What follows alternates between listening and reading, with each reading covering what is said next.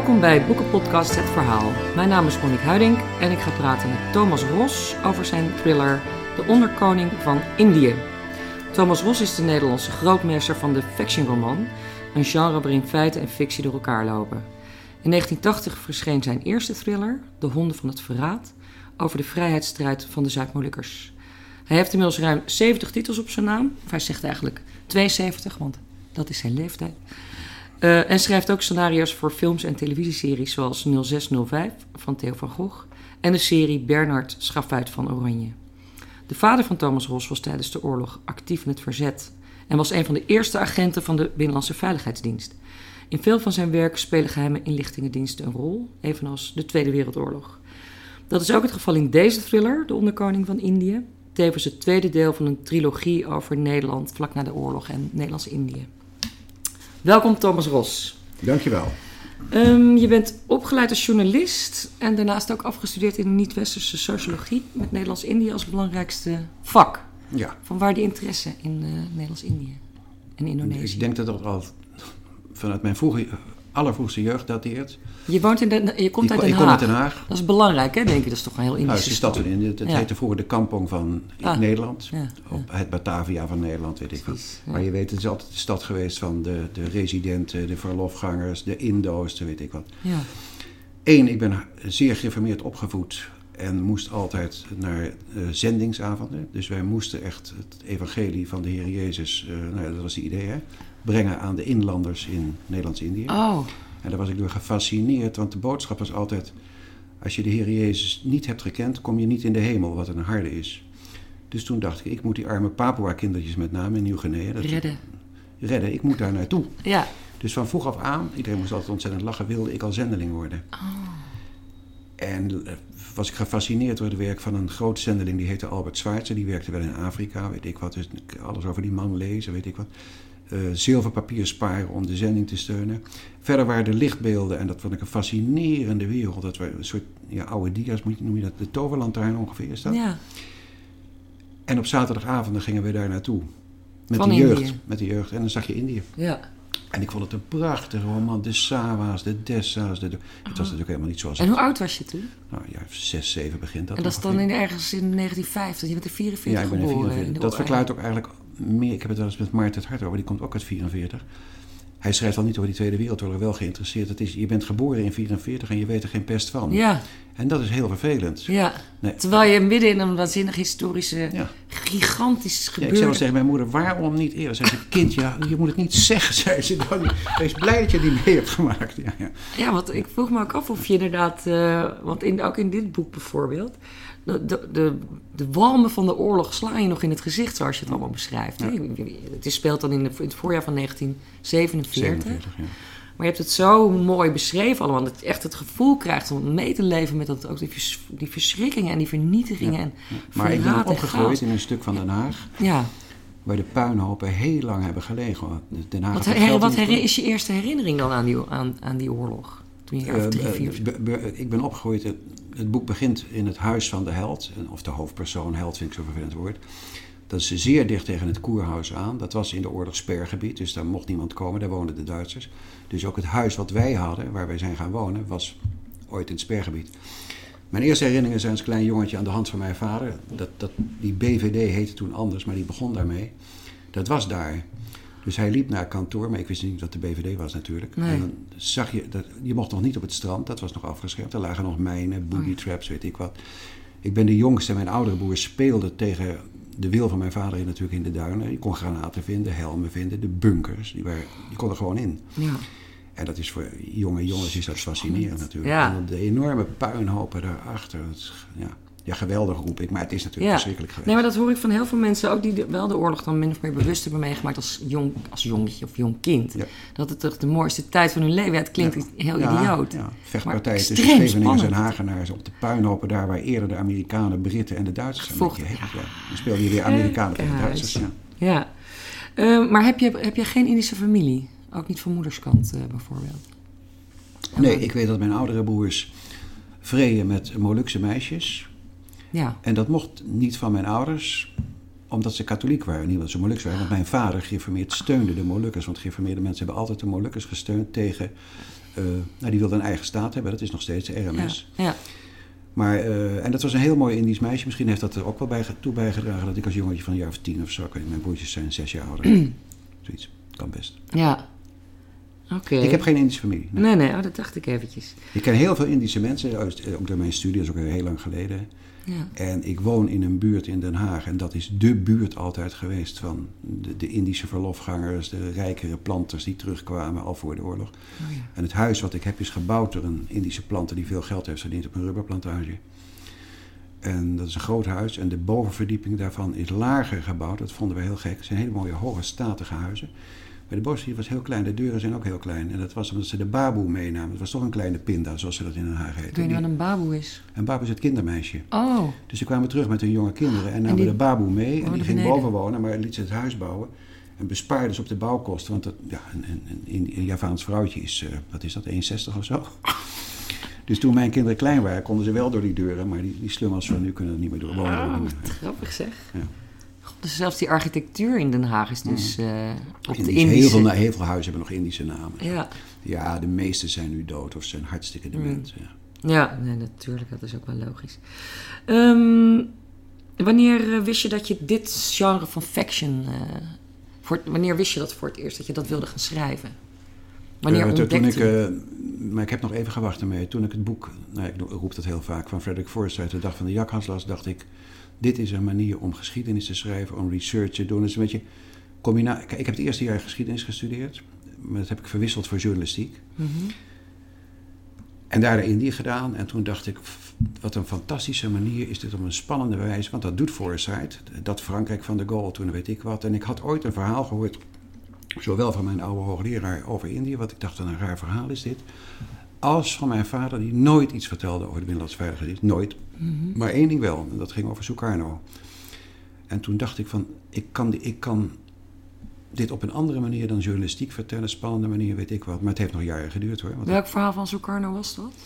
dat Sukarno, de, de Sukarno moest aftreden in 1965. Er was een communistische coup en die zou die hebben verhinderd. En de generaals grepen in. En de Binnenlandse Veiligheidsdienst, wat gek is, mijn vader was ook altijd weg. Dan dacht je, naar buitenland. Dus noem het dan maar buitenlandse veiligheid. Wat, wat deed hij daar dan? Oost-Duitsland, eh, eh, weken soms. En de Binnenlandse Veiligheidsdienst had contact met de CIA. Eh, mijn vader is ook na de oorlog betaald door de CIA. Die leidde ons op. Die wilde een goede geheime dienst hebben in dat nieuwe Vrije Westen, wat een beetje Amerikaans was natuurlijk, met de Ja. Marshallhulp. En het bericht kwam door dat Sukarno waarschijnlijk zat te heulen met de communisten. En toen zijn de generaals, de militairen, dus de hoge militairen, in, eh, via een telegram, en dat is een heel geheimzinnig telegram, dat speelt in het eerste boek een rol, eh, eh, uit Den Haag, min of meer in gecodeerde berichten verteld, luister eens, als jullie een coup gaan plegen tegen Sukarno, krijgen jullie de steun niet alleen van Den Haag, niet zo belangrijk, maar ook van Washington. Dus de coup is helemaal neergezet door de CIA, zoals ze later ook in Zuid-Amerika en Chili zijn bezig Ja. geweest en zo. Ja. Ja, Ja. dat was het verhaal. Ja. Ja. En toen dacht ik, ik ben min of meer afgestudeerd op de Molukken. En toen dacht ik, oh, weet je. En ik had het verhaal gelezen in een krant dat er een groep jonge Molukkers helemaal niets ging doen met die gijzelingen. Dat wilden ze niet. Geen cowboytjes spelen in Drenthe, maar daar naartoe en daar vechten. Ah. En dat waren een groep van twintig jongens en meisjes, fanatiek. En die zijn verdwenen. Hmm. En er is verder nooit iets bekend over geworden. Die zijn ergens tussen Java en Sumatra. En toen dacht ik, dat neem ik als uitgangspunt. Ja. Ja. En dat werd, werden dan de, dat eerste Dat is boek? de honden van het Honden verraad. Dat is een. Indische naam voor Molukkers. Want echte Indonesiërs toen Ja. beschouwden Molukkers als, Als verraders. als verraders. Want ze waren voor koningin Wilhelmina en voor Nederland. Ja. Maar dat genre, hè, die faction. Ik heb zelf ook een, eh, slechts één boek geschreven. in, voor in, en daar ook faction nou, je bent nog jong, ja. De, de, de, over de Tour de France van 2003. Dat boek Ja. heet De Baas. En dat is een, een heerlijk genre. Ja. Het is zo fijn, want je kunt, je kunt de geschiedenis inderdaad vertellen. Waar gebeurden dingen. Mhm. Ehm, en daar een, een, iets aan toevoegen waardoor je gaten kunt opvullen, hiaten. Ja. Die niet door journalisten kunnen worden opgevuld. Want die hebben of de tijd niet, of de archieven zijn er niet meer. Ja. Of, of ze kunnen, en historici ook niet, want die moeten echt en terecht alles verantwoorden. Ja. Maar als romancier hoef je dat niet. Maar wat is nou het verschil tussen een historische roman en, fiction, en een fiction roman, vind jij? Nou, ik vind dat niet zo. Ja, behalve dat sommige fiction-romans gaan ook nu over een aanslag. Ik krijg net een manuscript binnen een aanslag op Wilders. Dat is een fiction-roman, want hij beschrijft het goed en spannend. Maar het speelt nu. Dus fiction hoeft niet altijd een historische roman. In, in mijn geval is het vaak zo. Ja, bij jou wel. Maar ik heb bijvoorbeeld ook mijn best verkocht, in elk geval door middelbare scholieren gelezen boek, was altijd, moet ik zeggen, eh, eh, de 6e mei, dat is de aanslag op Pim Fortuyn. Ja, dat schreef ik bijna in hetzelfde jaar, dus dat kun je Ja. moeilijk als een historie. Nee. Maar meestal duik ik ja, in wat je zei, Tweede Wereldoorlog, Indië, Ja. ook wel eens nog zelfs iets eerder. Mata Hari heb ik gedaan, dus Eerste Wereldoorlog is dat. Ja. Dan is het niet zo, behalve dat sommige historische romans misschien niet spannend zijn, die lees ik eigenlijk bijna nooit. Of niet meer. Maar het, het thriller-element of het spannende element is natuurlijk nog steeds een skeletvorm in de, ook in deze historische factie. Maar je zoekt ook uiteraard altijd een onderwerp op dat spannend is. Ja. Nou, ik zoek een onderwerp wat je terecht zet waar gaten in zitten, waarvan ik denk, wat raar, dit is allemaal waar gebeurd. Dat Ja. is zo, die feiten. Ja. En niemand die eraan kan komen. Vaak, ik ben wel be- bijvoorbeeld eh, redelijk bevriend met mensen bijvoorbeeld van het, eh, het het Nederlands Instituut voor Oorlogsdocumentatie. Er zitten heel veel gaten nog in de geschiedschrijving van Nederland in de Tweede Wereldoorlog. Dat is raar, ook bij het verzet, ook bij het communistische verzet, ook bij het Engelandspiel, dat zijn beroemde affaires. Die zouden dat wel willen, maar die, die archieven zijn er niet meer, dat is weg. Het Koninklijk Huis is een heel moeilijk gegeven natuurlijk, is heel veel vernietigd. Er is ook heel veel te verbergen, denk ik, hè? Er is ook nog heel veel te verbergen. Tuurlijk Ja. is dat zo. Je komt er niet bij. Nee. De enige die in dat Koninklijk Huisarchief mocht, bij mijn best, is vorig jaar overleden Vasseur. Ja. En het is maar de vraag of hij er alles heeft gevonden en of alles er nog was. Maar Maar je mag dus, als je de feiten op een rij zet en je kunt speculatief spannend werken, kun je een mooie verklaring proberen. nou, je kunt orde scheppen in de chaos. Je kunt orde scheppen in de chaos. Ja. en inderdaad gaan verklaren. Ja. En, en, en de knoopjes met elkaar verbinden. Het is een wat moeilijker genre voor lezers, omdat ze hun kop erbij moeten houden. En omdat het. Kijk, je krijgt ook heel vaak het verwijt: bij u weten we nooit waar de waarheid nou ophoudt en waar de fictie begint of zo. Mm, Ik vind dat een compliment hoor, geen verwijt. ja, Want dan, dan geloof je dus in ja. mijn dan verteltrand. ga je het hele verhaal eh, Ja. Ga je, ga je mee. En omdat je de feiten ook zo noemt, die zijn controleerbaar. Die kun je googlen, die kun je in een encyclopedie nog opzoeken. Dat moet waar zijn. Ik laat, ik laat Bernard of Fortuyn geen dingen doen die ze niet gedaan hebben. Maar hoe, hoe pak je die research aan? Want je hebt natuurlijk ook de overgang naar het internet, naar internet eh, meegemaakt. Ja, Nog, toen, toen, toen er nog geen internet was, hoe deed je dan je research? Want je klopt. het heel grondig, hè? ja de- als het Nederland en omstreken was, dan, dan er naartoe gaan. Heel veel mensen, maar dat is heel lastig geworden, Tweede Wereldoorlog in. Die, die Ja. mensen bestaan niet meer. Heel veel oral history, praten. Ja. Hartstikke leuk. En Dus je hebt heel veel mensen geïnterviewd ook.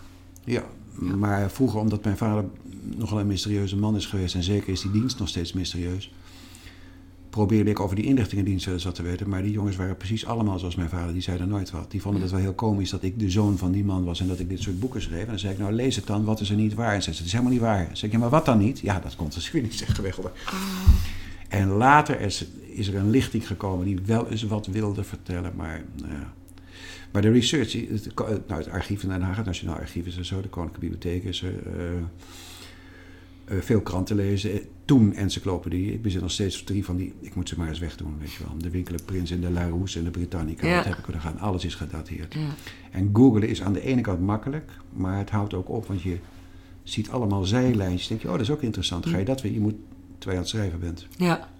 Ja, je komt steeds op nieuwe dingetjes. Ja, en dan lees je over, dan als lees je je over hoofd- Bernard. Hey, had hij, hey, had hij dat soort auto's? Dat wist ik Ja. helemaal niet. Dan ga je dat doen. Dat, dat heeft er niks mee te maken. En ga je dat dan ook helemaal uitzoeken? En soms doe je dat even, maar Ja. eigenlijk denk je, ja, ik, dat moet ik tijdverlies. Ja, ja, ja. Maar ik begin altijd met een plot. En op basis van die plot bouw ik de research op. Ik moet wel weten wat, wat het verhaal is. ja. Want anders heeft de hoe, research geen zin. hoe ga je dat dan verzamelen? Dus je hebt je plotlijn. Ja. Werk je dan met schema's? Of, of eh, heb je al je veel, Tot ik er gek van word, ja. Allemaal documenten aanmaken op mijn computer. Oh, en ja. allemaal notities maken. En s'nachts inderdaad opstaan, zodat je vrouw zegt, wat ga je nou weer doen? Op een papiertje krabbelen. En Want heb je weer een idee. dan bouw ik alles op met van die geeltjes. Die plak ik. Ik heb een grote Oh, ja, weerkamer, ja. die plak ik tegen mijn deur aan in. En dan hou ik op, want als, als je alles van tevoren plant, is, vind ik schrijven niet leuk. Want dan ben ik een kruiswoordpuzzel aan het invullen die ik zelf heb gemaakt. En het gekke is, dat zul je ook weten. Als je schrijft, krijg je eigenlijk betere ideeën vaak nog. Of andere ideeën tijdens het schrijven. Dat is toch een raar soort proces in je Ja, kop. dat is heel wonderlijk, ja. Ja, want je kunt alles van tevoren plannen. En dan heb je een blinde vlek en dan kom je het uit. En, hoe, en Ja. als je gaat schrijven, soms, soms komt dat vanzelf. Ja, Dus op een gegeven moment moet je ophouden met die hele research. En dan gewoon doe een- maanden research en nou, Monique, drie kwart van flikker je weer weg. En Ja. denk je, waar- waarom heb ik het er... Maar dat was om, om erin te Ja, komen. om ergens Om- naartoe. ja. Ja, precies. Ja. En het is ook lekker werk hoor. Je kunt ook tegen iedereen zeggen thuis, ik ben aan het werk. En je zit gewoon boeken te lezen en Het is heerlijk Heerlijk, werk. Ja, het is heerlijk. zo fijn. Maar wat je hebt op een gegeven moment ook, eh, moet ik even opzoeken hier. Eh daar vroeg ik me af. Je hebt, je hebt er van die details ook in, eh, in zitten. Bijvoorbeeld ergens eh, pagina 200 of zo zeg je... In Tuschinski draaide de film The Killers met Ava Gardner. Ja, Heb je dat dan echt... Is ja dat, dat zoek ik op, ja. Want het is redelijk op, goed op datum. Speelt allemaal een beetje in mei. Mei 47. En dat, die draaide echt, die ja, film. ja, maar ja, ik ga, er geen, ik ga niet Bambi zeggen of... eh, of eh, Nee, maar ja, weet je, dat is... Game of Thrones, dat kan Maar natuurlijk zou Nee, ik ik je wil- meer details? Ja, maar ik wil dat... Ik kreeg vroeger wel eens het verwijt van collega's, ja, verwijt, maar eh, eh, Thomas Ross, als hij in Stockholm opstijgt in een vliegtuig, dan gaat hij eerst beschrijven hoe de metro rijdt van Stockholm naar Arlanda Airport, dan wat voor toestel het is, welke maatschappij, hoeveel het kost. eh.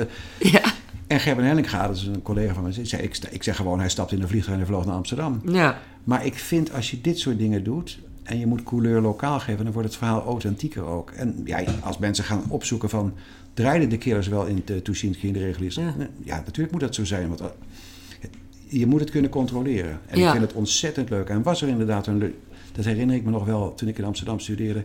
Er was een lunchroom, daar komt die held ook en hij bestelt ook. En dan wil ik, en dat kost echt tijd. Wa- Wat kon je daar dan eten in 47 als je in zo'n lunchroom was? Ja, En dat is echt leuk, want je kunt tegenwoordig alles vinden. Oh, en dan ook die naar- oude menukaarten. ja, maar dan ga je naar het Amsterdam Stadsarchief en tegenwoordig kan je dat ook via internet krijgen. En dan zeg je, geef even lunchroom hack op de hoek van het Rembrandtplein en de Regulierstraat. En dan zie je, dan tik ik in, nou rond 47, Ja. mei 76. En dan zie je menukaarten in de etalage. En denk ik, ah, fantastisch. En Ja, dan vergroot ik dat. En dan denk ik, oh ja, Ja. broodje, nou geen broodje, maar ik weet niet wat het was. Ja. Hartstikke leuk. ja, dat is superleuk. Ik heb Ja. het in mijn boek ook eh, echt helemaal tot in de treuren. Alles klopt, alles, alles, alles. Ja. Ik heb op een gegeven moment in, die, in dat boek, eh, dat ga ik gewoon even vertellen. Want dat, dat Ja, je wil graag reclame maken voor je eigen boek. Dat ook, maar Nou, omdat het ook gewoon heel kost... ik ben nog niet los. Maar dus, dan heb je op een gegeven moment in die Tour de France... dan zit Jan Oerig, dat is een van de twee eh, helden. Die is aan Oh. het warmrijden in een fietswinkeltje. Het is daar bloed en bloed heet in die periode. Echt 40 graden of zo. En in dat fietswinkeltje hebben ze airco aan. Ja. En ik vond dat ik zag dat ergens in een heel oud tourjournaal... dat hij in dat winkeltje zit te warmrijden. Wat heel gek is natuurlijk. Ja. Voor, een, eh, voor een tijdrit. En toen ben ik dat helemaal gaan... Met Google Earth ben ik heel die route gaan zoeken... Ja. naar dat winkeltje. En Oh. toen had ik hem gevonden. Nou, dan ben je toch blij. Dus ik kon helemaal de gevel, wat op de gevel staat, beschrijven. En, Ja, en om ronddraaien. De Maar andere muur. mensen zeggen wat een onzin. Dus doe het nou gewoon in de fietswinkeltje. Maar het maakt je verhaal sterker. Ja, Je moet alleen oppassen dat je het niet te veel doet. In het begin deed ik het ontzettend veel. En ik weet mijn allereerste... ja dan verzuip je in de details. En daar had de redactrice toen spottend naast geschreven... Goh, wat weet jij toch veel? En toen dacht ik, oh ja, het is een spannend boek. Het is geen geschiedenisles, het is geen telejak. Ja, mooi is dat, ja. Ja. Ehm, je gebruikt ook eh, bestaande figuren. Ja. En eh, dat wissel je af met... eh, en gewoon met hun eigen naam. Waar ligt voor jou de grens met wat je, wat je kunt, mensen kunt laten zeggen en laten doen eh, onder hun eigen naam? Je hebt het eh, vaak over Prins Bernhard bijvoorbeeld. Ja, nou, wat ik zei, ik mag op geen dingen laten doen, laten zeggen, laten denken... die aantoonbaar onjuist zijn. Ja. Ik, hoop, ik hoop was heel spottend, niet dat ik dat zou doen... eh, op lezingen. Ik, kan, ik kon premier Balkenende niet in een bordeel krijgen. Nee. Wat niemand, je, zal je, zal zien dat hij het doet, maar, Ja. gewoon- maar, maar niemand die dat zou geloven. En dat moet je ook niet doen. Waarom zou, waarom zou ik dat doen? Ja. Je krijgt altijd, hoe goed je je research ook doet, zeker met... eh, ik, ik herinner me dat ik een oorlogsboek had. Kijk, Bernard was, zat in Engeland in de oorlog. En ik laat hem in april 1942 in een jeep stappen. Nou, dat is goed. En dan kan je, als het boek uit is, krijg je een reactie van lezers. Dat kan helemaal niet. Want En was er geen jeep zo? de jeep komt een maand later pas. Mij, dan denk ik, oh ja, Dat wil zo. je niet, hè? Of ik laat hem Chesterfield roken. En er zijn mensen die zeggen, dat rookt die hele, hij rookt de players. Oh god, dan noteer ik voor het volgende boek ook. ja, het, het gaat om details, maar het is wel heel leuk. Maar je wil gewoon Maar ik laat hem, ik laat geen hebben. dingen doen. Of, kijk, ik heb ruzie met hem gehad. Misschien Ja. dat je dat weet. Ja. Omdat Heeft hij je wel eens gebeld? hij heeft een vierde uitgever. Oh, Niet zelf. Maar hij heeft een uitgever. Mijn uitgever Amelaan was inderdaad wel een vriend van. Ja. Je weet, iedereen was opeens vriend van Bernhard, maar dat was niet zo. Maar die heeft toch ook nog zijn autobiografie of zo, het manuscript of iets? Ja, die heeft, eh, Robert Amelaan heeft eh, ergens in een kluis thuis Ja. 800 cassettebandjes. En ik zei altijd, Robert, je bent mijn uitgever. Ik zal het niet Geef vertellen. Ge- over Geet Hofmans, dat moet ik, want daar Ja. schreef ik over. Dat, dat moet ik Robert nageven, hij liet niks horen. Dat is tegengehouden door Beatrix, die... Dat ligt daar gewoon dat maar. ligt er gewoon. Niemand heeft toegang. Nou, hij zelf, het is van hem, de cassette, maar hij mag het niet publiceren. Er is een afspraak gemaakt tussen hem, ik weet niet precies hoe het zat, en Koninklijk Huis, dat ik geloof 25 jaar na de dood van Beatrix zou het mogen, maar dan is Robert ook dood. Ja. Dus dat kan niet. Maar de prins was heel, heel, en terecht heel boos, want ik heb in één boek, dat heet Omwille van de Troon, omdat al die uitgevers altijd zitten te zeuren, doe eens wat meer seks in je boek. En ik doe dat niet, nauwelijks. Ik vind, Ja. vind dat zo obligaat en zo Ja. typisch wat mensen terecht denken van slechte thrillers. Moet het weer. En toen dacht ik, dan zal ik het een keertje doen, want de moeder van Bernard, nou die lustte er wel pap van, en dan zal ik het één keer doen. Oh. En toen schreef ik in dat boek dat prinses Armgard, zo heette zijn moeder, een Duitse, die laat ik de liefde bedrijven met twee huzaren in een bootje op de Rijn. En ik, ik, lees mijn, ik lees mijn vrouw altijd voor, want dat is de beste critica, want die houdt helemaal niet van dat genre. Oh, Dat is wel een aardig huwelijk hoor. Ja. En die zei, is dat waar? Toen zei ik, nou dat weet ik niet, maar Ze willen graag seks. toen zei ze, maar dat- jij beroep je toch altijd op dat alles waar is over bestaande figuren. Dat is in dat boek gebleven. Ik weet dat Bernard is laaiend geweest tegen Ammerlaan op Soesdijk. Dat dat erin stond. Mm. Dat, ja, mijn moeder... moeder en dit- schande. En eh, ja, dat is zo. Dus ik heb een briefje toen geschreven in datzelfde jaar dat hij dood ging, want hij was dood. Hij heeft niet gereageerd. Dat in de volgende druk zal ik dat eruit halen. Oké. Met mijn oprechte excuses, want het hoort niet bij mij dat ik dat doe. Maar hij stierf eh, eind november, geloof ik. Ik heb geen antwoord gehad. Nee. Nou ja. Dus dat moet ik niet doen. Nee. En ik probeer dat ook niet te doen. Heel af en toe sjoemel je een heel klein beetje, maar dat is... Ja, ik ga niet zeggen wat voor regenjas Bernard aan had en dat soort dingen. Maar hij trekt een jas aan. Dat, je kunt... Snap je? Maar ben je wel Maar nu eens voor om- smaad eh, of laster of zo eh, aangeklaagd bijvoorbeeld? Ja, ja. Ja? Nou ja, kijk, hij heeft toen... En dat was het mooiste natuurlijk. Hij heeft toen een hele pagina, dankzij zijn vriend, die was hoofdredacteur van de Volkskrant, Ja, in de Volkskrant tegen me geschreven. Daar schrok ik van, maar de bezige bij was natuurlijk aan de ene kant blij, want een hele pagina in de Volkskrant, advertentie van de Prins uit Nederlanden, dat kostte toen al Dank u wel. 30.000 30.000 gulden. Dus dat krijg je niet gauw. Nee, ik heb, eh, Ja, dat was in 2002, hè? ik heb Molukkers aan de deur gehad. Dat was nogal, dat was heel aardig trouwens. Maar ik heb, ik heb één boek teruggetrokken, dat ging over, als je dat nog wat zegt, de Turkse organisatie Grijze Wolven. Ja, Dat zijn geen misselijke jongens. En dat durf was- je niet. nou, die stonden te demonstreren voor mijn huis in Haarlem. eh, Met, eh, we hadden nog kleine kinderen. En mijn vrouw zegt, als de dood ervoor met spandoeken op de brug, weet ik Ja. wat. En toen dacht ik, oh jezus, ik doe dit Dat niet. Dit kan niet, kan ik niet doen. Later heb ik het wel eens met Theo van Gogh gehad. Kijk, Theo werd natuurlijk wel heel anders bedreigd. Ja. Dat heb ik nooit gehad. Maar mijn vrouw werd na de dood van Theo toch wel bang voor bepaalde dingen. Heeft wel eens gevraagd, doe dat nou niet, doe dat nou Hmm. niet. Maar ik zie verder in mijn boeken geen, geen smaad of laster. Nee. Oké. Nee, want ja. Want dat is natuurlijk inderdaad het enge of het gevaarlijke. Ja, ja. Dan, omdat het voor Ja, jezelf dan gevaarlijk wordt. Als je over grijze wolven dat- dan snap ik het. Maar als je over Bernhard of over Fortuyn of over... eh, ik heb wel eens een telefoontje gehad. André van Es, die was vroeger in de Tweede Kamer. Dat was PSP nog. Toen ben ik afgeluisterd door de eh, Haagse recherche. Vanwege contacten met krakers in de staatsliedenbuurt in Amsterdam. En dat vond ik wel heel raar dat dat gebeurde. Hmm. En toen, heb ik haar, toen heeft zij in de... Die, ik heb ze nog ergens thuis liggen, kamervragen. Maar er wordt geen antwoord op gegeven. Nee. Want dan moet de BVD antwoord geven, want die heeft dat toen gedaan. En die kan zich altijd beroepen op staatsveiligheid en hoeft geen antwoord te geven. Ja. Oh ja. Heb je bijvoorbeeld, eh vroeg me ook af, Hazel of Roefsma wel eens gesproken? Eén keer. En? Maar dat was heel aardig. Dat was tijdens de première van de film Soldaat van Oranje. Want Oh. toen begon ik heel... Ik was een...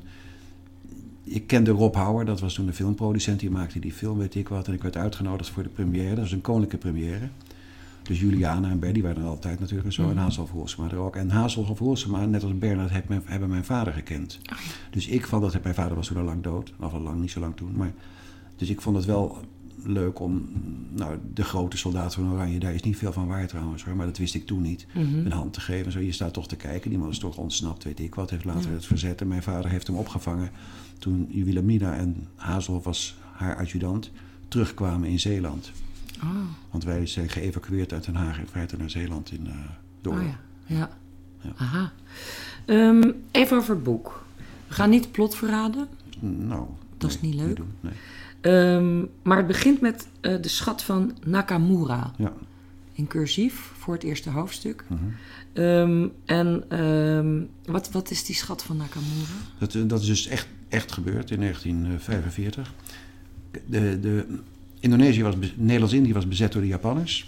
Dat heeft eh, iets later, eh, in 1941, 42 en ook later bevrijd. De Japanners hadden, eh, net als wij gedaan met de Joodse mensen in Amsterdam en Den Haag, sieraden, goud, weet ik wat. De pandjeshuizen op Java, zoals dat heette, lagen vol met nou, diamanten, sieraden, goud, zilverstaven, alles. Ja. Toen de, de Jappen moesten capituleren op 15 augustus 1945, zijn ze gek genoeg een hele tijd nog op Java geweest. Want ze, ze werden verkeersagent, ze werden, we hadden niemand. Wij zaten in de kampen, de Britten trokken door en de Amerikanen en de Britten hebben dus de Japanse nou ja, soldaten aangesteld om het verkeer te regelen, ons te begeleiden naar de schepen om terug te gaan naar Nederland. Dat is heel gek. Ja. Maar die Japanners werden ook aangevallen door de Indonesiërs, want die waren ook bezet. En die gaven opdracht om de pandjeshuizen leeg te halen. Heel veel, miljoenen waard, miljoenen waard, om bewaakte forten te bouwen op Java. Dat was de opdracht, want ze werden ook aangevallen. Ja. Dus nog na de oorlog. Dat geld is allemaal gestolen. Nou, niet allemaal, sorry, maar voor een heel groot deel is het gejat. Door Japanners, maar door Nederlandse soldaten, door Britse soldaten, is totaal verdwenen. En dat is niet geld, maar dat waren dus gewoon zilveren Sier- ja, ja, sieraden. ja, maar zowel van. Nederlands afgenomen Ja. als ze het kamp ingingen, in, in moeten leveren. De, op. En in dit boek speelt dat een, voor een belangrijk, of een- ook een Nou, rol. in, in het boek is het een, speelt het een rol voor een communistische opstand. Die moest, zouden ze kunnen betalen vanuit de opbrengst van de, nou ja, van de sieraden, van het goud. Ja, want, want een van de, van de belangrijkste personages is Henry Meertens. En we hebben, er zijn eigenlijk er zijn veel personages in het Ja, dat boek. doe ik kan er niks aan doen. Dat was zo. Dat zeggen mensen. Redacteur roept ook, kan het een onsje minder. Maar, ja, Ja, veel personages. maar daarom neem ik een lijst voorin altijd van Ja, personages. nee, ik had het ook nodig. Het was heel fijn dat het eh, voorin stond. Want dan ging ik, wie is dat ook alweer? Oh ja, dat is die. Ehm, maar twee belangrijkste fictieve personages, in mijn, naar mijn smaak, misschien vind jij van niet, zijn Arnie Springer, dat die ook in het eerste boek eh, een rol speelt. En eh Henry Meertens. En ik had het gevoel dat ze eigenlijk allebei de held zijn. Ja, ze zijn allebei aan de... Meertens is niet puur slecht. Nee. Nee, hij vecht voor een ideaal. Nou, hij is een Nederlander. We hebben zo iemand echt gehad. Die heette Ponke Prinsen. Die was een overloper in ja. Java. Tuurlijk. Na de oorlog zijn wij ook tegen Indië gaan vechten. hè, De politionele acties. Ja. En hij is een overloper. Hij werd hier gezien als een verrader. Maar hij koos uit, nou, uit idealisme voor de kant van de Indonesische nationalisten. We moeten ophouden met die kolonie. Indonesië heeft recht op zelfstandigheid. Nou, deze Meertens is een soldaat van Nederland geweest tijdens de oorlog. En gaat naar Indië om daar eigenlijk te Zat vechten. in het knil, maar Zat in het leger en deserteerde. Ja. En komt terug, want vindt het, nou ja, het is een harde jongen. Maar hij vindt het buitengewoon eh, onterecht dat wij eh, dit doen. En weet ik wat, en heeft contact met Nederlandse communisten hier. Dat ging ook zo eigenlijk in Amsterdam met name. Ja. Om de strijd van de Indonesiërs te steunen tegen ons. ja. En Arnie Springer, ik heb ik genoemd naar, naar mijn held. Dat is de schrijver Springer, die een paar jaar geleden is overleden. Want die, kon, die man kon zo goed schrijven, zo prachtig ook over Indië.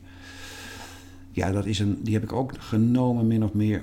Ehm, hij is een jazzmuzikant, dat ben ik ook geweest. Hij speelt klarinet, dat doe ik ook. Oh ja.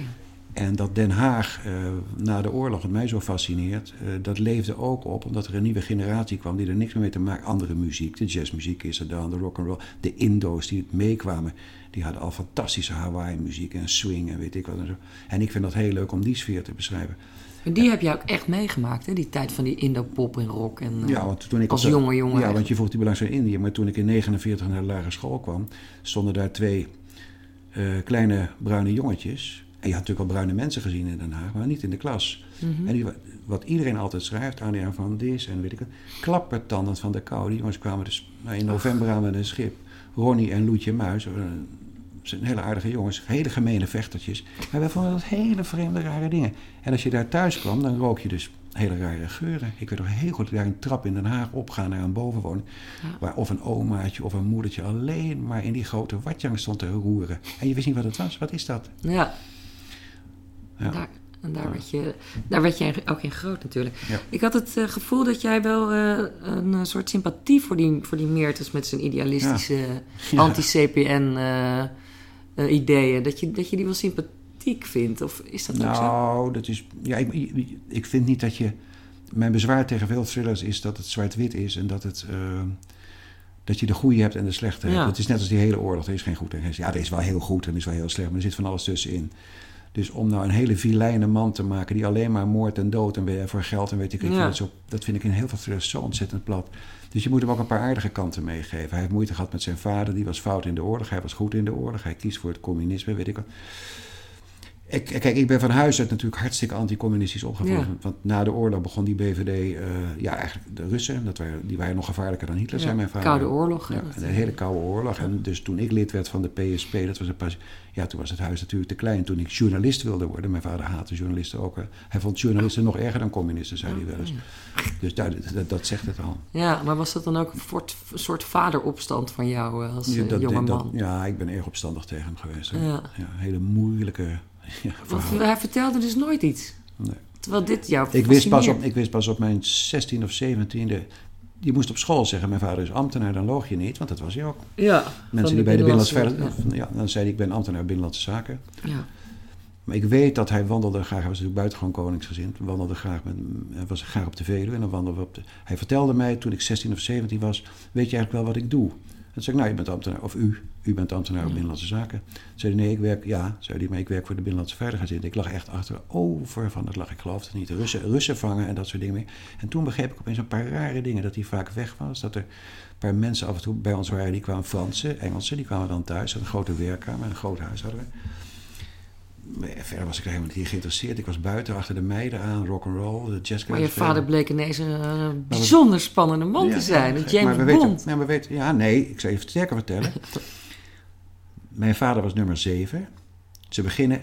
Ja, 007? Ja, nee, nog sterker. Ik, ben- ik ben later in dat gebouw wel, het oude gebouw geweest. Maar toen ik een jongen was, mocht, wij, mocht ik als jongste op zaterdag de leesportefeuille... Ambtenaren hebben een leesportefeuille. Dat zat in nou, de, de Haagse uh, Post, weet ik wat. Ja. En die moest ik zaterdag terugbrengen bij de portier. Dus zover kwam ik wel. En ik was dat geïnteresseerd. En toen mijn vader stierf, eh, is zijn werkkamer afgesloten. Maar ik heb zijn pasje wel eens gezien. Dat is een groen pasje. En daar stond op 007. Lang voordat wij 007 hadden. License to Kill. Ja, maar, maar ik had er nooit van James Bond gehoord. Maar toen mijn zoon een jaar of zeven was, eh, Daan, toen zei ik, je grootvader, dus opa Piet zoals die heette, die was 007. Dus Daan op school in Amsterdam, mijn god, ja, sodemiet erop. weet je. Ja, ja, ja. En nu mijn kleinzoon, Samuel, die zegt ook, ja, maar mijn overgrootvader, het is geweldig. Geweldig. Ik wou dat ik dat pasje had, alles is toen weggehaald. Ja, dat is wel jammer, Ja, ja. heel jammer. Heel Maar jij moet ook, eh, want die, die, die familiegeschiedenis van jou vind ik ook zo fascinerend. Jouw grootvader, de vader van je vader, die is vermoord. Ja, nooit En opgelost. ook helemaal in, in, in mysterie gehuld. Ja, mijn vader heeft, was heel jong wees. Dus mijn opa eh, van vaders kant is in 1915 onder de trein gegooid. De trein van Ja. Gouda naar Den Haag, Geldweg. En dat is niet En, toen was hij vier of zo. toen was hij drie. Of drie. En zijn moeder sterft toen hij vijf was aan de Spaanse griep. Want dit was toen een enorme epidemie. Dus, dus hij is als weeskind opgevoed door een oudere halfzus. En naar zee gegaan, weet ik wat. En twintig jaar later, toen hij bij de politie was voor de oorlog... eh, heeft hij een half jaar verlof genomen, samen met zijn oudere broer... om die moord op zijn vader dus nog op... Maar ja, dat, dat is zinloos na twintig jaar. Ik bedoel, Ja. die mensen zijn dood, niemand praat meer, weet ik wat zo. Dus het is, het is ja. Ja. Maar het is altijd een raadsel geweest natuurlijk. Waarom is die man... Ja, hij is vermoord om zijn geld. ja. Maar je moet ook uiteindelijk, want hij is ook nog best wel jong overleden, geloof ik, hè? Toen jij jaar of. 30 was of zo. Toen ik was 27. Ja, jouw eigen vader. Mijn eigen vader, ja. Maar je moet ook hè, vanuit die puberale opstand dan tegen zijn vader... op een gegeven moment ook een enorme mededogen met hem hebben gekregen... toen je erachter kwam dat hij eigenlijk geheim agent was. En Ja, ja. met die jeugd. Ja, maar dat, hij nooit, maar dat hij nooit iets kon... Ja, nou en of, huilen. Ja. Want hij vertelde wel eens, dat deed hij dan... dat hij zijn eigen verjaardag was vergeten. Op, kijk, hij zat met grote mannen op boten. Ik heb ze al zijn monsterboekjes nog. Prachtig. Een jongen van 14, 15, naar New York, naar Durban in Zuid-Afrika. Heel avontuurlijk. Ja, maar hartstikke alleen. Ja, Want die grote jongens gingen naar de hoeren. Maar hij, wat was dat? Dat wist hij dus helemaal niet. Eh, op 9 december 1927 schrijft hij, in- hij heeft een dagboek gemaakt. Moet hij ontzettend huilen. Hij zit, staat buiten bij de stuurman. En hij denkt opeens, ik ben jarig. Dat niet. Ja, hij werd toen 15. Ach. 9 december 1907 wordt hij 15. Ach jeetje. En toen dacht ik ook, oh, mijn moeder zei dat na zijn dood ook al. Hij is zo alleen geweest. Ja. Hij vond het ook prachtig met haar in kennis te komen. Want zij kwam van een enorme grote boerenfamilie. Allemaal, dat vond mijn vader prachtig. Een groot gezin, weet, daar was hij heel graag. Ja. Maar zijn frustratie is geweest, hij kon niks vertellen Nee. over zijn werk. Want mijn moeder wist het ook niet. Want na zijn dood zei ik, wist je niet dat pa King Kong, dat is een hele beruchte verrader, heeft mijn vader verhoord. Toen zei mijn moeder, hier weet ik niks van. Toen zei ik nog spottend, ja, hebben jullie wel een goed huwelijk gehad? Maar, hij, hij, hij mocht hem niks vertellen. Nee. Maar hij liep gewoon vanuit ons grote huis in Scheveningen naar de strafgevangenis. Nou, dat is 200 meter. En, ja, Nog in die kink om verhoren. ja, met een collega. Ja. Maar een raadsel. En later ben ik eh, enigszins bekend geworden met een ander hoofd van de Binnenlandse Veiligheid. Die heet Arthur Dokters van Leeuwen, is een buurtgenoot. En die zei, ja, het spijt me verschrikkelijk, maar ik, ik mag niks vertellen. Toen zei ik, maar godverdomme, nou houd het op gewoon. Mijn vader is een van de eerste geweest die Ja. dat gedaan heeft. Die man is al heel lang dood. Geef dat dossier, haal door wat je wil, weet ik wat. Hij zei, nee, dat kan ik niet. En de volgende ochtend, echt waar, lag er een grote bruine envelop in de bus bij ons, op de vloermat. eh, Met het dossier van mijn vader, foto's van mijn vader, die ik nog nooit gezien had. Als Sinterklaas op de BVD spelend, weet ik wat. Geen afzender. Dat, en ik, toen zei ik, kwam hem tegen in de straat, zei ik hartelijk dank. Zei, ik, ik weet niet waarvoor. Ja, Fantastisch toch? Maar ik weet nog niet, want heel veel is doorgehaald. ja, ja. Maar ben jij, je bent gewoon in zijn voetsporen getreden, maar dan als een soort van eh, foto. ja, ja, ja. Positief, negatief, Ja, zeg maar. Ik kom er wel langzaam een beetje vanaf, moet ik zeggen. Mijn broer op, hou nou eens op met die man. En die man is natuurlijk, ja, maar het is een fascinerende, hele charmante, maar een mysterie. Ja. Ja, Maar dat heeft je natuurlijk aangezet om dit, ja natuurlijk is dat zo. dit beroep. Tuurlijk. En Ja, plus mijn journalistieke belangstelling, mijn belangstelling. Kijk, ik heb meer boeken over Indië geschreven, maar zeker de eerste boeken zijn eigenlijk allemaal over hem en die dienst en waar ze Ja. mee zaten. En, ja. Ja, want je, hè, je, je hebt eh, waarschijnlijk ook gewoon dan dezelfde interesses eh, als hij genetisch doorgekregen. ja, misschien wel. Ja, ja, misschien. Ik ben, Ja. Kijk, hij is, hij is jongs, van, van jongs af aan, in de, hij was zeeman. Toen kreeg je de wereldcrisis 1933, 34, allemaal aan wal, want de schepen gingen niet meer, er was niks. Dus dan kon je Nee. twee dingen doen, je kon in dienst gaan of je kon politieman worden. En toen is hij politieman geworden. En ik vroeg later, eh, dat, daar vertelde hij wel eens wat over. Dat waren spannende inbrekers, arresteren. Dat vonden wij als jongens natuurlijk, dat stelde hij wel. Hè, dat hij Ja. eenzaam in een kerk zat te wachten. Was, want er waren kerkdieven en weet ik wat. Was hij toch een beetje bang zijn eentje met een pistool in een kerk zit. Dat vond ik fantastische verhalen. Dus daar komt het waarschijnlijk ook een beetje door. Ja. Maar hij, hij las zelf bijna nooit eh, spannende boeken. Maar ik weet dat hij, en dat bracht het ook wel, hij heeft nog net meegemaakt dat een van mijn eh, topschrijvers, dus John le Carré, ja, zo goed kan ik het niet. En die schreef een van zijn eerste boeken, dat heet Spy Who Came In From The Cold. Het eh, spion over de muur heet het denk ik in het Nederlands. En mijn vader zei, dit moet je lezen, dit is wat wij doen. Oh, En dat vond ik, en toen las ik dat, oh, dat, dat, ik zei net de dag van de jakhals, maar sp- spion aan de muur, ik, ik ken het alleen maar tegen spion aan de muur heet het denk ik. Het is fantastisch, fantastisch. Oost-Berlijn. Ber- Ik mocht als journalist naar Oost-Berlijn, mijn vader wilde niet dat ik ging. Toen zei ik, communistisch. nee, zeg maar, luister, je je wordt tegengehouden, je bent de zoon van mij. Toen zei ik, wat verbeeld je Oh, je ja, nou? Wat-. Toen wist ik al dat je bij, wat Ja. verbeeld je je nou? Dat, ze mij, dat je zo belangrijk bent, toen zei je weet het nooit. Je weet het nou, maar dat hij meer. Maar Mijn broer staat ook aan tafel spot en pa, denk je nou echt dat de Russen zo in Twente staan? Toen zei hij, ja. De Russen in Twente, en toen lagen we achter over van het lachen aan Ja. tafel. Maar hij zei verder niks. Goh, het is ook wel gek Maar maken. het zijn, dat, het zijn wel spannende verhalen. Ja, heel spannend. Ontzettend leuk. Ehm, nog even, heel, nou, het is alweer bijna, het is de tijd alweer om. Ehm eventjes terug nog naar, eh, naar het boek en, en deze trilogie. Ehm Arnie Springer is een Indo. Mhm. En die moet in opdracht van Drees proberen om Harry Meertens en zijn clubje tegen te werken of tegen te houden. Ja. Min of meer. Ja. En eh, dan blijkt op het einde van het boek dat er een heel andere, zit er ineens een heel andere twist in. Ja. Hoe, hoe kwam jij dit verhaal op het spoor? Omdat ik bezig ben geweest, en dat is een heel eigenaardig verhaal, met eh, iemand die er ook in zit, is een dwerg geweest. Hercules. Ja, maar hij heeft echt bestaan. Dat was een, en dat, dat heeft ook te maken met deel 3. Nee, sorry, één kwam ik op het spoor en daar moet ik Jort Kelder voor bedanken. En zijn collega die eigenlijk meer werk heeft gedaan, zijn historicus, Harry Venendaal. Die hebben een boek geschreven over Bernard. Ja. En ik wist niet dat Bernard grote belangstelling had voor Nederlands in. Ik wist wel dat hij belangstelling had, maar niet op die manier.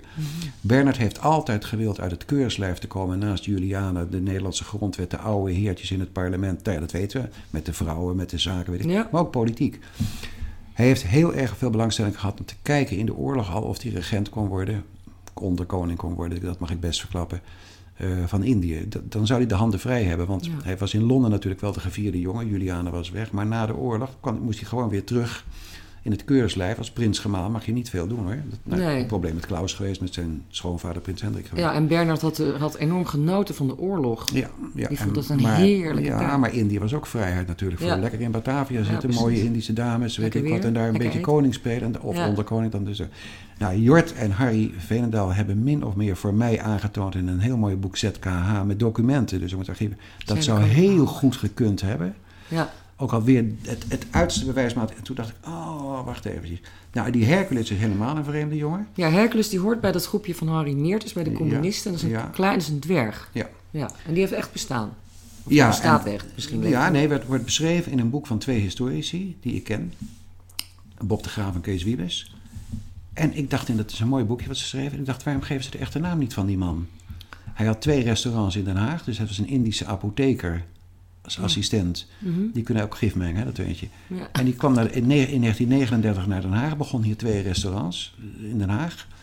Eh, en ik krijg zijn naam niet. Dus ik mailde naar Kees Wiebes. "Ge- Geef me die naam eens even. Want ik vind het zo vervelend om alleen met de naam Hercules. Dat was zijn bijnaam in het verzet. Spottend, omdat het zo Kleine kleintje reus. was. Ja. En toen mailde eh, Wiebes mij terug. Dat mag ik niet. Want ik heb de wet openbaar bestuur getekend. Dat ik die naam niet mag geven. En als je dat opzoekt, dat artikel. Hij verwees naar een artikel. En ik zocht het op in de wet openbaar bestuur. En er staat dat dit mag niet openbaar worden gemaakt. Vanwege of de staatsveiligheid of de veiligheid van het koninklijk huis. Toen dacht ik, wat krijg Het koninklijk huis is altijd mijn... Toen dacht ik, wat krijg Wie is die Hercules in geen Jezus naam Ja. geweest? En hij zit heel zwaar in mijn deel 3. want dan ben je echt in Indië. Want hij is teruggegaan eh, in 47 of 48 naar Indië. En speelt een hele rare rol op Java. Nou als je die dingen vindt en je vindt niet uit te stellen, dan ben ik zo geïntrigeerd. Denk, ik, en Bernard en zo'n rare dwerg uit de Wat hebben die nou met elkaar te maken ook dan? Ja, en dat is het leuke van het ontwerpen van een... Van, nou ja. Dus de, de, deel 1, de- overigens, die delen zijn volledig los van elkaar te Ja, lezen. deel Je 1 hoeft heet van de doden niet zo goed. Dus direct Den Haag na de oorlog, Ja. 45. Wat een chaos is geweest. Veel groter, zoals mijn Dan komt vader zei. Arnie terug uit het Jappenkamp. Dan komt Arnie terug uit het Jappenkamp. Dan komt hij in het oude pension wat zijn moeder heeft gedreven. Dan probeert hij een bestaan op te bouwen in, eh, eh, in, in Den Haag als jazzmuzikant, wat natuurlijk niet meevalt. Ja. Nou, dan ga, ik ga er ook geen plot van geven, want het boek ligt nog steeds Nee, in de handel. precies. Moet ook niet. Het tweede sla ik twee jaar over naar 47. En het derde, waar ik nu aan begonnen ben, sla ik weer twee jaar over naar 49. Want dan zijn we, zijn we uitgevochten in Indië. Dan beginnen we Indië ook te verliezen. En dan heb je toch een aantal mensen die zeggen van dat moeten we niet doen. We hebben er zo ontzettend veel geld in gestoken. We hebben de belangen, Philips, Unilever, Ja. Shell. Dit gaan we niet doen. Nee. En dan heb je onze generaal van het Koninklijk Nederlands-Indisch leger. Dat was een generaal Spoor. En die heeft een hele rare rol gespeeld. En die, dat mag ik wel zeggen, die sterft echt heel gek. Raar. Hele vreemde dood. Die gaat eten met zijn adjudant in Batavia in 1949. En ze krijgen allebei een voedselvergiftiging, maar de rest van de gasten niet. Er zitten 40 gasten ongeveer in dat Die restaurant. hetzelfde eet. Eh, allemaal hetzelfde. Allemaal nazi. Is vergiftigd. Hij moet al vergiftigd Ja, zijn. ja, maar het gekke is, dit is de opperbevelhebber van ons leger in Ja. Indië. Geen pathologisch anatomisch onderzoek, geen medische dossiers. Volgende dag meteen begraven. Ja, tropische hitte, dat weet ik ook. wel. Ja. Ge- Geen path... Hè? Een man die sterft aan vergiftiging? Onze opperbevelhebber? Ja. Dat is er niet. Ja, is klopt ook hier niet, iets de niet. medische dossiers zijn weg, maar er is geen pathologisch anatomisch onderzoek. Dat is toch raar? Ja. En Hercules, apothekersassistent, was op Java Wacht en even. heeft gewerkt in restaurants. En hij zit in een restaurant, die jachtclub in Tanjong Priok. En toen dacht ik, oh, dit is maar mooi, mag je dus niet zeggen. want is Spoor mooi. En Spoor was een diehard. Die zei, ik, ga, ik doe niet mee met die soevereiniteit. Nee, Indië blijft van ons. Ik heb niet zoveel jongens opgeofferd en weet ik wat. Ja, ja, ja. Dus nou ja. Mooi. Dus we gaan, dus het is, de trilogie bestrijkt de periode 45-49. Ja, en ik stop in 1950. Dan is er een kleine mislukte staatsgreep van, van een man die als de beul van zijn leven... Dat is Westerling. En Raymond Westerling was een harde militair, een vriend van Spoor. Ik stop in januari 1950. Dan mislukt een staatsgreep tegen Ja, eh Sukarno. en dan heb je eigenlijk, eh, ja, Eh, en dan moet ik maar eens een ander boek gaan schrijven. heb je dan alles, kan het dossier dan dicht? Nee, want ik krijg voortdurend van mensen nu, en dan moet je- die weten nog veel meer dan ik, moet je dat toch doen. Maar dan, kijk, ik wil al, mijn, al heel lang, daar is mijn vader ook bij betrokken geweest. Als ik op lezingen zeg, of ik nou in Enschede ben of in Zuid-Limburg, dames en heren, weet u wie Blonde Dolly was? Dat is nog heel bekend. Blonde Dolly was een hoertje in Den Haag in 1959 gewurgd. Schat, een hoertje in Den Haag? Schat, hemeltje rijk. Zat in een klein armzalig eh hoerenkamertje, weet ik wat en zo. En na haar dood vonden ze nou, zat, ze bezat zeven huizen in de goede buurten. Zeven huizen in de goede buurten van Den Haag en ook in Antwerpen. En zat bankrekening in Antwerpen, in Hamburg, weet ik. Zat stapels gouden tientjes onder de vloer liggen. Hoe kwam die meid eraan? Ja. De moord op Blonde Dolly is nooit opgelost. En het, maar te gek, het is gewoon een Haags hoertje geweest. Er zitten allemaal haken en ogen aan. Maar ze had kennis met een Russische gezant in Den Haag. Dat vind ik mooi, want de BVD hield de Russische ambassade echt in de gaten. Dus Ja. kennis blond. Heeft Blonde Dolly mensen kunnen chanteren. Ze heeft als hoertje in de oorlog in Amsterdam gewerkt. Ze heeft er hoge NSB'ers onder. Kwamen ze die later tegen in de politiek in Den Haag. En dan was het een cover dat ze Blonde Dolly, want ze was zwart. Ze heette niet Blonde Dolly. Ze trouwt met een violist van het residentieorkest en wordt opeens manneke. Opeens denkt ze, ik wil dat huwelijk niet meer hebben. Of er is iets anders gebeurd. En ze wordt weer hoertje in een, in een achteraf tegen een verpa- Ja, raadsel. En ik ben er altijd dan moet je ook nog induiken.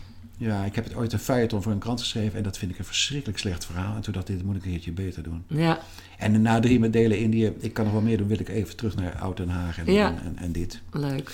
Dus ehm, dat deel 3, hebben we daar al een titel van? Dat verschijnt Dat- volgend jaar Ja, pas. de werktitel is, we zitten te zoeken. Maar hij heet, ik denk, De Dood van de Generaal. Oh ja. Dus het eerste heet Van de Doden niets en goeds. Het tweede De Onderkoning van Indië. Ik zit nog te zoeken naar een, een eh, titel met koningin Wilhelmina erin. Want Wilhelmina speelt een belangrijke rol in dit verhaal. Oh ja, natuurlijk. Maar dat verschijnt in, eh, in Maar ik januari kan nou niet naar de 2018. onderkoning van Indië, nou de koningin van Indië gaan doen. Dat Nee, gaat dat niet stom we hebben als werktitel De Dood van de Generaal. Dus Ja, titels de dood ik... weer erin. En, nou ja. Ja, maar ik vind titels zo moeilijk. Is het Oh, ook. Dat is ontzettend moeilijk, ja. Nou, hartelijk dank voor dit, eh voor dit boeiende gesprek. Ja. Ik sprak met Thomas Ros over de onderkoning van Indië.